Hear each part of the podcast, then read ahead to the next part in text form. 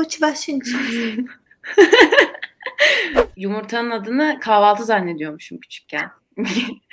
kere hem çevremin hem kendimin nasıl dönüştüğünü görmek. O zaman bunlar normaldi. Çok kötü bir ihlalde bulunduğumu, kıyaslanamayacak bir ihlale katkı sunduğumu fark edip e, vegan olmaya karar verdim ve benim çevremde bir kişi bile yoktu vegan olan. Mesela izlediğim hiçbir bilim kurgu filmi artık içinde yaşadığım hayattan daha korkunç değil. Mağdurlar hep göz ardı ediliyor ve bu sadece e, hayvanlar için geçerli değil çocuklar için, kadınlar için, kırılgan olan bütün gruplar için geçerli.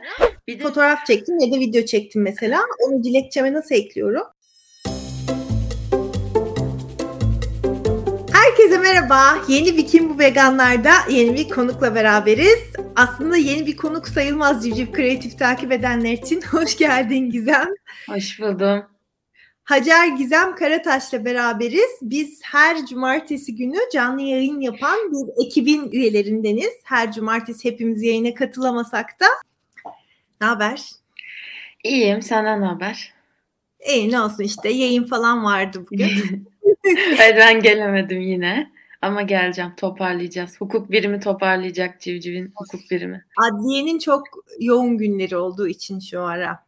Evet, adli tatil öncesi son duruşmaların sıkıştırıldığı, adli tatil olmadan bir duruşma daha yapalım, bir duruşma daha yapalım dönemi olduğu için şu an çok sıkışığım. Bir de okul da var. Temmuz başı ikisi de tatil olunca, daha doğrusu Temmuz ortasına doğru artık fire vermeyeceğim umarım. Geleceğim her hafta. Bu konuşmadan herkes senin avukat olduğunu bilmeyen var de şu an anlamış oldu. Okulun ne olduğunu da belki paylaşmak istersin. Ee, yüksek lisans yapıyorum Bahçeşehir Üniversitesi'nde kamu hukuku alanında. Ee, aslında hiç öyle bir tekrar dönme okula gibi bir fikrim yoktu ama belki bağlantılı olarak biraz daha anlatırım. Hayvan hakları alanında hukukçuların hiçbir şey yazmamış olması dolayısıyla resmen tez yazmak için e, tekrar girdim. E, şu anda çok mutluyum ama iyi ki dönmüşüm. Yani çok farklı bir motivasyon, çok farklı bir motive edici tarafı var oranında yani. Tezini hangi konuda yaza, yazacağım belli mi? Belli aslında. E, hayvanlarla ilgili davalar üzerine yazacağım. Hayvan hakları davaları diyemiyorum. Çünkü bütün hani ya aslında hayvan hakları halen hukuken hiçbir ülkede tanınmış bir durumda değil. Ee, ama işte ikiye ayırmayı düşünüyorum tezi. İlk bölümde hayvanların özne olduğu davalar. işte koruma yasaları ile ilgili görülen davalar Türkiye örnekleri üzerinden. Hem de Non-Human Rights Project gibi e, hayvanların özne olarak, kişi olarak e, tanınması için sürdürülen davalar. İkinci kısımda da e, aktivistlerin yargılandığı veya e, aktivistlerin kendi insan hakları üzerinden hayvan haklarını görünür kılmaya çalıştığı davalar üzerinden yazmaya çalışacağım. Çok geniş bir konu oldu. Belki hani yazarken sınırlandırmam veya daraltmam gerekebilecek ama e, özellikle aktivistlerle ilgili kısmı çıkartmak istemiyorum. E, çünkü çok üzerine bir şey yazılmış bir konu değil ve bence çok önemli çünkü hukuk resmen farkındalık yaratmak için e, araç olarak kullanılıyor ve e, çok önemli buluyorum o konuyu ben. Evet bence de öyle. Seni tanımaya başlayalım. Çünkü formatımız burada o. Daha sonra tezini de tanırız bence. Yani ileriki yıllarda herhalde o tez yazılacak, bitecek. Evet. bir yerlerde bitecek. Umarım bitecek bir gün. Tezler öyle. Umarım bitecek oluyor sonra bitiyor yani. O zaman vegan olma hikayenle başlayalım bence. Nasıl oldu her şey? Nasıl oldu her şey? Ya benim aslında bu e, hikayede şöyle bir anlatımım olmayacak. Genelde ben veganlarla konuştuğumda şey diyorlar ya da bana öyle denk gelmiştir bilmiyorum. Ben zaten hiç e, et sevmezdim. Zaten çok aram yoktu falan gibi böyle. Çok duyuyorum. Ama öyle değil mi seninki? Ee, benim aram çoktu yani ben bir de çok böyle sağlığına dikkat eden bir insan da değilim. Suat'ın da kulaklarını çınlatalım zaten. Hala da değilim aslında. Yani hiç böyle bir sağlık kaygısı olmayan işte e, özellikle öğrencilik döneminde ucuz diye devamlı fast food veya sokaktaki o sokak yemeklerinden yiyen bir insandım. E, yani hatta mesela çocukluğumdan şöyle bir e, annemin anlattığı bir hikaye var. o kadar mesela ben yumurtasız bir kahvaltı düşünemiyormuşum ki e, yumurtanın adını kahvaltı zannediyormuşum küçükken. bir kere annem yumurtasız bir kahvaltı sofrası hazırlamış. Demişim ki anne hani kahvaltı nerede falan demişim. Annem de demiş ki kahvaltı o değil kahvaltı hani bu sofra. Onun adı yumurta falan diye anlatmış. Yani e, o kadar hayvansal e, tükettiğim bir e, şey çocukluğum ve gençliğim geçti aslında. Tabii şu anda artık kimse için bu çok mümkün değil ekonomik koşullardan dolayı ama hem sağlık kaygım olmadığından hem de devamlı olarak aslında hayvanları sevdiğimi de düşünerek büyüdüm ben. İşte köpekleri hep çok sevmişimdir. E, yunusları çok sevmişimdir. Hatta burada bir başka çelişki devamlı beslenme üzerinden anlatmayalım. E, benim ailem beni Yunus Parkı'na götürmüştü küçükken örneğin. Yunusları çok sevdiğim için. Ama gittiğimiz gibi de pişman olmuştuk oradaki hayvanların o halini görünce. Yani ilk baştaki o çocukluk ve gençlik döneminde yani sanki genç değilmişim hala gibi oldu ama şey aslında çok da değilim artık. O dönemde yavaş yavaş hani farklı sektörlere karşı bir bilinç işte çocukken hayvanat bahçesine e, gitmiştim okulla. İşte ailemle Yunus Parkı'na gitmiştim e, vesaire. Ama mesela beni şu anda en fazla yine motive eden, ayakta tutan şey de bu. Onlarla ilgili e, hem çevremin hem kendimin nasıl dönüştüğünü görmek. O zaman bunlar normaldi. Ama şu anda hepimiz giden gördüğümüzde ya da bir yerde rastladığımızda, yeni açıldığını duyduğumuzda tepki gösteriyoruz. E, işte mesela ilk bir hayvanla aynı evde yaşayışım e, Cingöz adında bir e, muhabbet kuşumuz vardı. Kuşumuz derken sahiplik anlamında söylemiyorum. Yani ailemizden biri gibiydi. Ama mesela onu e, o eve almak mesela çoğu zaman şey yapıyorduk. Kafeste tutmuyorduk biz onu. Evde serbest dolaşıyordu ama yine de aslında e, gidip onun bize yani pet shop'tan satın alınması ben seviyorum diye ne kadar yanlış bir şey olduğunu sonradan ailecek hepimiz fark ettik. Ee, yani çok insan çok hata yaparak e, bir şeylerin farkına varıyor ama en azından farkına vardım ve artık herkes farkına varmaya başladı diye düşünüyorsun. Veganlık süreci de şöyle oldu aslında. Ee, ben hiç avukatlık yapmayı düşünmüyordum. En başta onu anlatayım. Bana çok sıkıcı geliyordu. Okurken de bir kısım dersten ve bir kısım alandan çok nefret ederek okudum aslında. Mezunsun? Hukuk? Ee, 2010, 2013 girişliyim. 2017'de mezun oldum ben. Ee, 2013 girişli olmamı e, şöyle zaten anlatabiliriz. Hukuk seçme sebebim şöyle oldu. Ben e, üniversite sınavına girdiğim hafta gezi direnişi e, patladı resmen. Hatta şeyi çok iyi hatırlıyorum. Ertesi sabah matematik LYS'sine gidecektim. Akşam çadırların polisler tarafından yakılıp yıkıldığını izlemiştim. E, sonra tabii biraz klişe bir hikaye ama oradaki o avukatların verdiği mücadele beni çok etkiledi. Bir şekilde idealist bir yerden hukuk hukuk okumaya karar verdim. Çok güzel bir hikaye. Evet ama sonrasında üniversitede şöyle bir şey oldu. Bilgi Üniversitesi'nde okuyordum ben ve o okulda öğrenci profili veya işte hocaların sizi yönlendirdiği taraf e, daha çok işte hani kariyer haftalarının düzenlendiği işte takım elbiseli bir şey and bir şey bir şey and partners avukatlarının gelip size işte e, biz şöyle yaptık böyle yaptık diye anlattığı bir okul olduğundan ve o dönemki süreç de işte özellikle 2015-2016 süreci işte Türkiye'de devamlı patlamaların olduğu, devamlı insanların öldüğü, işte darbe girişiminin olduğu zamanlar e, hani o insanlar işte ifade özgürlüğünün daha böyle kısıtlanmaya başladığı vesaire zamanlar. Yani devamlı anneannemin, babaannemin beni arayıp kızım Taksim'e gitmiyorsun değil mi, Kadıköy'e gitmiyorsun değil mi dediği zamanlarda e, birazcık artık şey oldu yani ister istemez bir e, hani o şeyi motivasyonu e, kaybettim e, ve o etrafımdaki insanların da benim bir an önce bir yere kendimi atmam lazım, kapağı atmam lazım düşüncesi beni de etkiledi. E, sonrasında ben de diğer herkes gibi e, bir plazadaki bir şeyde hukuk bürosunda staj yapmaya başladım. Sonra stajım ve birkaç aylık avukatlığım orada geçti ama e, hiç mutlu değildim. Yani neden bunu okudum? Başka bir şey mi okumalıyım? Tekrar üniversite sınavına mı hazırlansam? Hayatım böyle mi geçecek? Vesaire gibi düşünceler içindeydim devamlı. Ee, sonra oradan ayrıldım. O yaz işte tekrar o 2013'teki motivasyonuma dönüp ya ben aslında bunu bu yüzden okumamıştım deyip e, yeni bir yerde iş aramak yerine kendim e, dosya alıp kendim iş yapmaya başlamak istediğimi fark ettim. E, bu süreçte de bu arada yani bir yerde çalışırken de öğrenciyken de devamlı benim önüme hayvan hakları ihlalleri düştüğünde haberler düştüğünde işte sosyal medyada gördüğümde şikayetler yapıyordum CİMER üzerinden. Zaten o zaman daha kanun yoktu. Suç kapsamına alınmış hiçbir fiil yoktu. Sadece para cezası kesiliyordu. İşte yapıyordum bana e, cevap geliyordu. Para cezası kesilmiştir. İşte şahıslar tespit edilmiştir vesaire. Ama sonra bu bana yetmemeye başladı. Çünkü e, haberleri gördükçe kendimi çok kötü hissetmeye başladım. Bir şekilde şeyin farkına varmaya başladım. Yani ben tek başıma hiçbir şey yapamayacağım. Yani yaptıklarım yetersiz kalacak çok daha fazla şey yapmak lazım ama bu arada vegan değildim hala. Ve işte birileriyle örgütlenmem lazım. Belli ki düşüncesi gelmeye başladı ve şunu araştırmaya başladım. O sıralar devamlı işte hayvan hakları yasası çıkacak, çıkacak, çıkacak dendiği için ya bu yasa neden çıkmıyor? Neden yani bir insan neden sokaktaki bir hayvanın dövülmesinin suç kapsamına alınmasını istemez ki bir topluluk? Neden bu yapılmıyor diye araştırmaya başladığımda işte gazetecilerin yazdığı mecliste neler olduğu, işte aslında Yunus parklarının, hayvanat bahçelerinin veya başkaca e, birçok sektörün, avcılık sektörünün e, o mecliste nasıl lobisinin olduğunu, nasıl milletvekillerinin tanıdıklarını ve etkilediklerini vesaire bunlarla ilgili şeyler okumaya başladım. Ve aslında fark ettim ki ben sadece sokakta yaşayan hayvanlar için ya da çok belli başlı hayvanlar için üzülürken hani benim üzüldüğüm şey şuraysa aslında koskocaman bir bir sürü türü kapsayan ve birbiriyle çok bağlantılı bir e, sömürü durumu var. Ve sonra bu sefer e, şeyi araştırmaya başladım. Yani hukukçular neden bununla ilgili hiçbir şey yapmıyor? Makaleler okumaya başladım. Makalelerin e, referans gösterdiği kitapları okumaya başladım. Herkesin klasiktir hayvan özgürleşmesiyle başlayan o sürece girdim.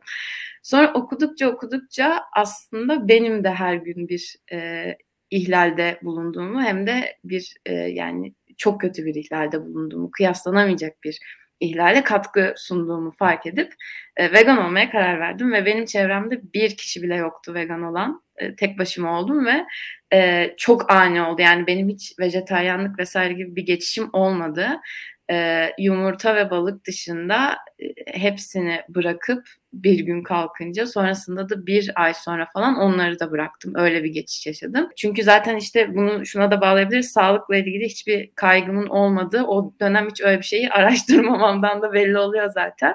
Yani şey gibi düşündüm hani ömrümü 10 yıl kısaltacaksa da ben artık bunun içinde olmak istemiyorum gibi bir düşünceyle böyle bir şeye girdim. Sonrasında insanlar bana karşı argümanlar geliştirdikçe çünkü ben onları hep sadece etik boyutundan anlatıyordum. Ama onlar hep tabii ki sorular her, hepimizin bildiği gibi sağlık boyutundan geliyordu. Sonra onlara cevap verebilmek için hani daha fazla insan e, vegan olsun diye sırf sağlık boyutuna araştırmaya, öğrenmeye ve hani argümanlara cevap vermek için sırf bunlarla ilgili bir şeyler okumaya başladım. Sonrasında da işte bu örgütlenmem gerekiyor düşüncesiyle e, işte bazı örgütlere, hayvan hakları örgütlerine vesaire araştırmaya başladım. Şeyi düşündüm yani mesela benim gibi e, sokaktaki hayvanları ya da belli başlı bazı türlere işte yabanda yaşayan hayvanları vesaire e, ha, yaşam haklarını düşünüp ama kendisi her gün bir ihlalin içinde olan e, insanlara bunu fark ettirecek bir çalışma var mı? Hani şundan yola çıktım mesela işte Kadın Cinayetlerini Durduracağız platformunun anıt sayacı var. Hani bir yıl içinde kaç kadının öldüğünü görebiliyorsunuz ve bu sizi çok etkiliyor. Ya da LGBT artı e, örgütlerinin böyle çalışmaları var. Acaba hayvanlarla ilgili bunu yapan bir örgüt var mı? Bir rapor hazırlanıyor mu mesela? Bu çok iyi. Tam Haziran ayında güzel oldu. Saç bandımdı bu biraz önce. olsun kutlu olsun bu arada. Üstünde de var ama gökkuşağı. Ee, tam bunu yani bunu düşünürken sonra bir baktım ki bunu zaten yapan bir yer varmış Hakim. Burak ve Fatma bunu zaten 2014'te düşünmüşler ve yapmışlar. Ve sonra Hakim'e mail attım. Dedim ki ben avukatım ve e, gönüllü olarak sizinle çalışmak istiyorum. Yani çünkü tek başıma bir şey yapamadığımı fark ettim ve artık kafayı yemek üzereyim. Gerçekten bu arada hani abartı değil e, uyuyamıyordum yani çok sinirim bozuluyordu devamlı haberleri gördükçe. Sonra Fatma da dedi ki tabii ki avukata çok ihtiyacımız var zaten e, hemen görüşelim falan dedi. O arada da tam o rapor sürecindelermiş biraz sürdü görüşmemiz. Fatma bana dönene kadar ben devamlı mail attım. Görüşeceğiz değil mi? Beni unutmadın değil mi? falan diye o kadar. Sonra en sonunda Fatma ile telefonda görüştük. Sonra öyle hakimle çalışmaya başladık ve e, yani hakimin benim e, o tecrübeyi çok kısa zamanda edinip bu işe böyle direkt dalmamda inanılmaz etkisi oldu. Çünkü hepsi çoğu hukukçudan daha fazla hayvan hakları mevzuatına hakimler. E, işte 10 yıldır neredeyse bu e, işin içindeler. Her şeyi biliyorlar. Uygulama nasıl, sağ nasıl biliyorlar. çok yönlendirdiler beni ve çok destek oldular ve e, çok iyi bir ekip olduk. Sonra onlar beni işte Yunuslara özgürlükle tanıştırdı. Hayvanlara adaletle tanıştırdı.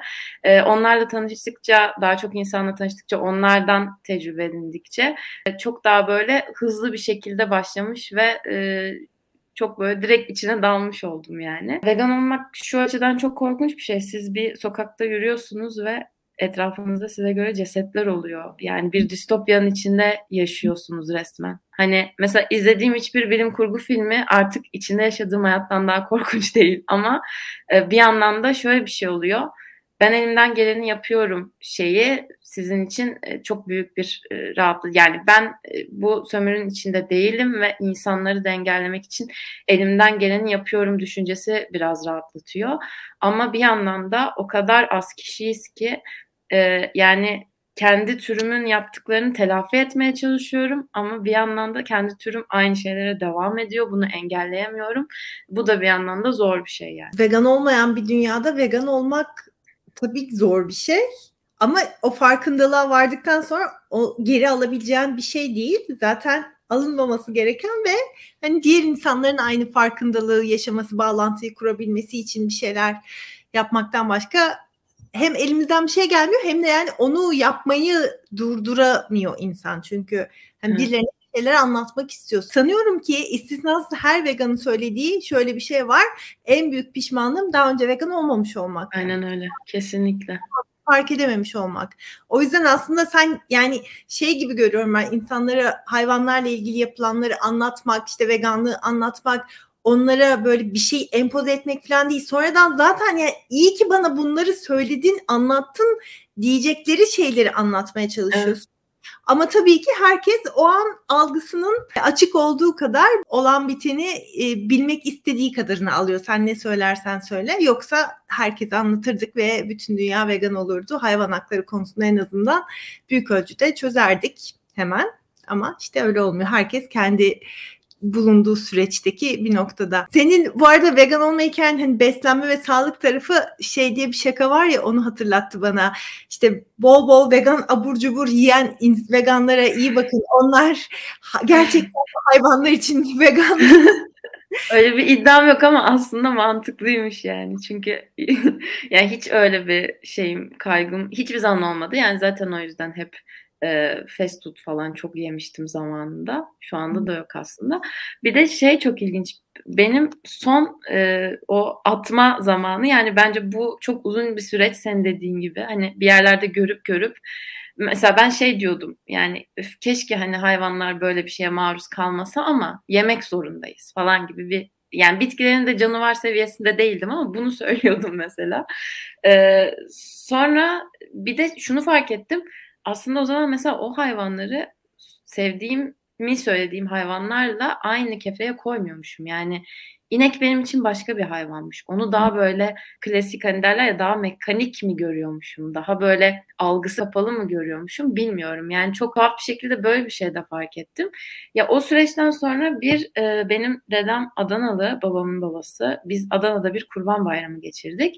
Ben zaten çocukluğumdan beri hiç kurban eti yiyemeyen bir insanım. Kanlı canlı o olayı görüp sonrasında şeyi sorgulamak yani et, tamam da yani bunu mesela yemek istemiyorsun e, her gün yediğin et de aynı hayvan. Neden e, onu yiyorsun? Sadece görmemen problem çok e, o son en fazla hani bardağı e, taşıran son damlalardan biri olmuştu. Bir de çok ilginç bir şekilde bir mezba videosu ya da fotoğrafından çok çok düz bir şekilde haberlere bakarken bir gün Twitter'da şeyi gördüm. E, bir tane orta ölçekte hatta küçük ölçekte bir e, süt çiftliğinde bir inek fotoğrafı. Yani işte 2-3 tane inek duruyor Önünde de iki tane takım elbiseli adam işte şeyden bahsediyorlar. Hani yatırımlardan vesaire böyle bir şeyden bahsediyorlar. İşte çiftçimize destek, hayvancılığa destek tarzı bir haber. Ya orada ineğin yüzü beni inanılmaz etkiledi. Yani orada doğrudan bir şiddet yoktu aslında. Hani bir işte PETA'nın videoları gibi atıyorum tekme atılan bir inek vesaire değildi o video veya fotoğraf ama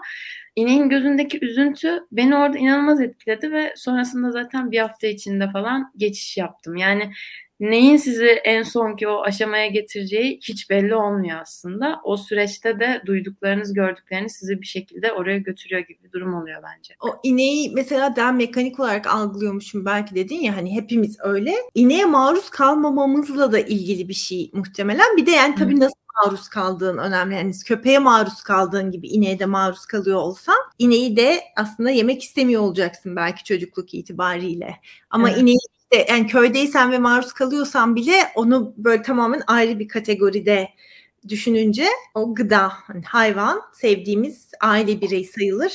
İşte sayılır deme nedenim hani köydeki köpekler falan da aslında e, işlevsel olduğu sürece tutuluyor. Genellikle hasta olanı falan atıyorlar. Ama hani öteki mal malzeme e, evet. ondan kaynak. Şey atıyoruz kaynak. Şeylerden bahsedelim mi biraz? Neler yapıyorsun? Ne güncel davalarla ilgili bir şeyler konuşabiliriz. Şu ara neler yaptığından bahsedebiliriz. Civciv Kreatif adında harika bir ekiple yayınlara katıldığını biliyorum bir.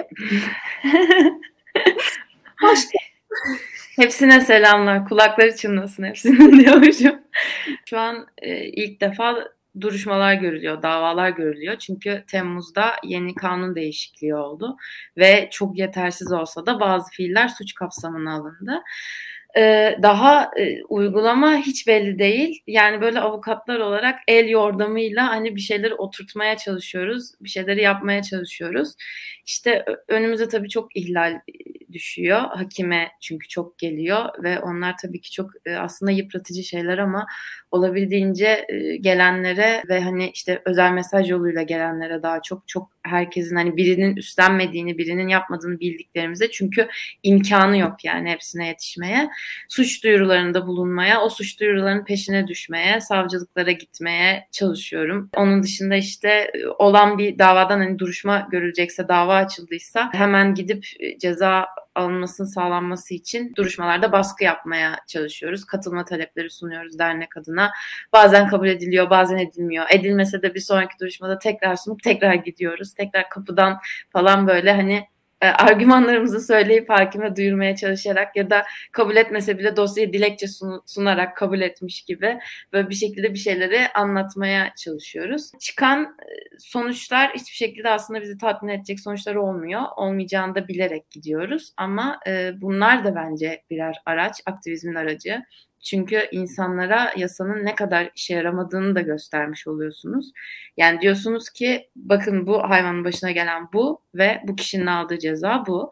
Ee, yani en büyük amacımız tabii ki caydırıcı olması ama caydırıcı olması şu aşamada bu kanuna çok e, mümkün değil. Çok aslında farklı bir alan bu. Ş- şuradan farkını anlatabilirim. Mesela bize okuldaki hukuk felsefesi dersinde öğretilen o Kantlar, Descartes'ların aslında bizim insanlık adına ne kadar korkunç bir yere sürüklediğini, ne kadar korkunç bir hukuk sistemimizin olduğunu, çünkü her şeyin insanın aklının yüceltilerek, insanın onurunu yüceltilerek kurulduğu bir hukuk sistemi var ve bu sadece Türkiye'de değil, tüm dünyada böyle. Çünkü batıdan e, yayılmış bir sistem. En basit bir işte küçük çekmece Asya ceza duruşmasında bile hissediyorsunuz sadece okuduğunuz kitaplarda, makalelerde değil. Bu çok ilginç geliyor. E, duruşmalarda genelde sanıkların avukatı bizi çok e, küçümsüyor oluyorlar.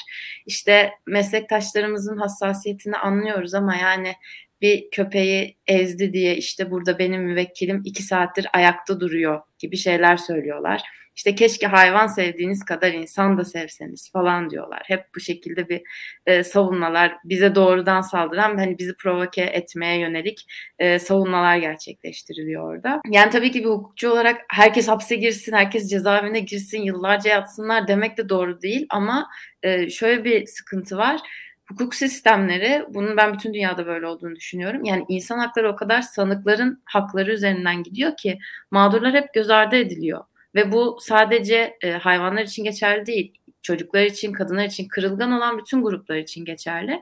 Bir de üstüne hayvanları koyduğunuzda o kefeye tabii ki insanın karşısında diğer hayvanlar iyice aşağı düşmüş durumda kalıyor. Yani çoğu zaman siz e, mal statüsünde olan bir e, şeyin hakkını savunuyor durumunda kalıyorsunuz. Bir insan hakkına, sanık hakkına karşı. Yani orada bir e, işte üzerine e, bir sürü literatürde kaynak yazılmış bir sanık hakkı, savunma hakkı olayı var ve siz karşısında e, katılma talebinizin sadece kabul edilmesi ve orada iki cümle söyleyebilmek için zorlandığınız bir e, duruşma dosya süreci geçiriyorsunuz. Travmatik olabiliyor, zorlayabiliyor. Karşı tarafın küçümsemeleri, sanığın rahat rahat elini kolunu sallayarak yanınızdan girip çıkması e, bunların hepsi sizi çok zorluyor ama e, bir şekilde bir sonuç aldığınızda da en azından belki caydırıcı olabilecek e, diye de seviniyorsunuz. İşin komik tarafları da var. Mesela e, şey oluyor, bir dilekçe yazıyorum işte büroya götürüyorum e, ya da işte muhabere bürosuna götürüyorum. E, memur böyle kalıyor bir süre okuyor falan. Diyorum ki bir sıkıntı mı var falan diyorum hani işimi yapacak çünkü bekliyorum sonra başka bir yere gideceğim. Yok yok falan deyip okumaya devam ediyor. Çok ilginç geldiği için. Mesela orada bile o bütün hepsini okuyor böyle falan hani aa hayvan diyor. Nasıl yani? Falan mağdur hayvan mıymış burada falan diye böyle. ilginç geliyor ona. İşte adliyede mesela gidip e, oradakilere vegan yemek var mı diyorum et var mı diye sorduğumda vejeteryan mısın kızım sen diyor oradaki teyze. Anlatıyorum işte veganlık şu bu ilk defa duyuyorlar falan. Sonra birlikte teyzeyle pilavı koklamaya başlıyoruz. Bunda tereyağı var mı diye. Böyle şeyler yaşanıyor. Yani orada çok hani bizim işimiz çok işte bürokrasi çok devlet devlet olduğu için onun içinde e, bence vegan avukatların olması, orada orayı dönüştürmeye çalışması, onların ilk defa her şeyi duyuyor olması da ayrıca önemli oluyor diye düşünüyorum. O yüzden vegan avukatların kesinlikle artması gerekiyor. Bence de. Yani hepsi bir adım. Yani mahkeme e, dava sonucunda karar olumlu olmasa bile yani anlattığın gibi hepsi birer adım. Bundan sonra aynı şeyleri duyduklarında ilk duymaları olmayacak mesela. Yani evet. duyduklarında çok anlamasalar ya da işte kararlar buna göre veriliyor olmasa bile bunların hepsi birer tohum olmuş oluyor. Evet mesela şeye gitmiştik Bolu'da av davasına gitmiştik. Hmm. Ee, orada da e, Hayvanlar Adalet'ten Barış ve Hülya sağ olsunlar destek olmaya gelmişlerdi. Ee, orada Hülya mesela bu hayvanların hani sadece mevzuat üzerinden konuşuyoruz ama bakın bu hayvanların yaşam hakkı var, bu hayvanların yaşamaya hakkı var gibi bir konuşma yapmıştı. Böyle hani birkaç cümlede çok güzel toparlayıcı. Ve orada tabii bir e, başkan var, mahkemenin başkanı. Bir de yanında iki tane oturan daha genç, e, yeni hakim olmuş üye hakimler var. Mesela o genç hakimler böyle gözlerini açarak çok ilgiyle dinlemişlerdi. Ve ileride onlar o mahkemenin başkanı olacak. Yani bunlar o yüzden e, çok önemli oluyor aslında orada bunları dile getirmek, anlatmak. Yeni bir dünyaya ihtiyacımız var ve onun tohumları atılıyor oluyor. Evet aynen öyle. O zaman şunu sormak istiyorum sana. E, pet shoplarda hayvan satmak yasaklandı diye sosyal medyada çok e, dolaştı ama sanıyorum tam olarak öyle değil. Onu bir açıklığa kavuşturalım. Sen burada. Yalan. Yalan. Onu e, niye öyle yaptıklarına dair bir tahminim var. Şimdi tam emin olmadan da bir şey demeyeyim ama bu sokaktaki köpeklere karşı açılan savaştan sonra biz devamlı olarak kendi çözüm önerimiz olan kısırlaştırmanın yapılması, belediyelerin sorumluluklarını yerine getirmesi bir, iki e, üretimin tamamen yasaklanmasını devamlı e, söyledikçe onlar da böyle üretim yasaklandı gibi bir yerden o haberi lanse etmeye çalıştılar diye düşünüyorum. Çünkü yapan e, haberi yapan bazı e, yerlerin kaynak olarak gösterilen bazı yerlerin e, ne tarafa yakın olduğunu bildiğimizden. Ama aslında sadece 14 Temmuz itibariyle kedi ve köpeklerin o mağazalarda sergilenmesi yasaklanacak. Kuş, sürüngen vesaire onlar zaten bulundurulmaya devam edecek. Kedi ve köpekleri de katalog üzerinden seçmeye devam edecekler ve aslında o kediler, köpekler üretim yerleri denilen e, bizim hiç haberimizin olmadığı kapalı kapılar ardında işkence çekmeye devam edecekler. Öyle bir şey yok ama yani tabii ki yine de e, bir mağazada kedi köpek sergilendiğini, o kafeslerde tutulduğunu yavruların vesaire görürlerse Temmuz itibariyle CİMER üzerinden şikayette ihbarda bulunabilirler. Bu iyi bir karar mı, kötü bir karar mı sence? Mağazalarda, kafeslerde tutulan hayvanlar için o çok işkence oluyor ama zaten üretim çiftliğinde belki daha da kötü şartlarda tutuluyor olacaklar ve insanlar görmüyor olacak. Şimdi oralarda görünce insanların bir kısmı bunun yanlış bir şey olduğunu o hayvanın halinden anlayabiliyordu. Şimdi kapılar kapalı kapılar ardında aynı şekilde tutuluyor olacaklar gibi geldi bana biraz. Aynen öyle. Yine orada da o kafeslerin içinde tutuluyorlar yani. Ee, bahçede rahat rahat yaşamıyorlar. Öyle bir durum var. Muhtemelen çok daha da kötü şartlarda yani. Evet, evet. Dükkandaki yerde mesela işte ne bileyim kakasını bulan yapılmış olamaz çünkü orada o bir e, şey envanter mal satmaya evet. çalıştıkları bir şey. Belki daha küçük yerlerde, daha kötü şartlarda falan olacaklar yani. Aynen öyle. Buradan belki şunu söylemek lazım. Böyle bir haber gördüğümüzde hayvanlar için çalışan, hayvan haklarını çok önemseyen insanlar mutlulukla yaymaya başlıyorlar. Böyle ya da işte iyi bir haber görünce hemen. Ama mutlaka hayvanlarla ilgili değil tabii her şeyle ilgili. Arka planına bakmak hani tam olarak gerçekte olan nedir onu anlamak lazım yaymadan önce. Yoksa o yanlış bilginin yayılmasında o gördüğünü paylaşan herkes sorumlu. Böyle böyle yanlış şeyler yayılıyor işte. Dezenformasyon. Aynen öyle. Yani Öyle bir durumda e, hayvan hakları örgütlerinin mesela ne yazdığına açıp bakabilirsiniz. Ya ben mesela önüme ne düşse öyle yanlış haber olabildiğince hakimden bir Twitter'da mesela yazmaya çalışıyorum. Hayır doğrusu bu vesaire diye. Çoğunu da görüyorum yazdıklarını.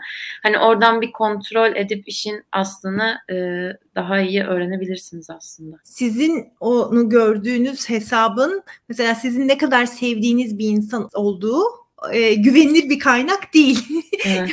Kaynağın temeline inmek lazım tam ne olduğunu anlayabilmek için. İnsanlar şimdi biz avukat olmayan insanlar ve hayvanlara kötü bir şey yapıldığını gördüğümüzde bir şey yapmak isteyen insanlar olarak ne yapabiliriz? İşte bir hayvan hakları ihlali gördüm ben mesela sade bir vatandaşım, avukat değilim, bir şey değilim.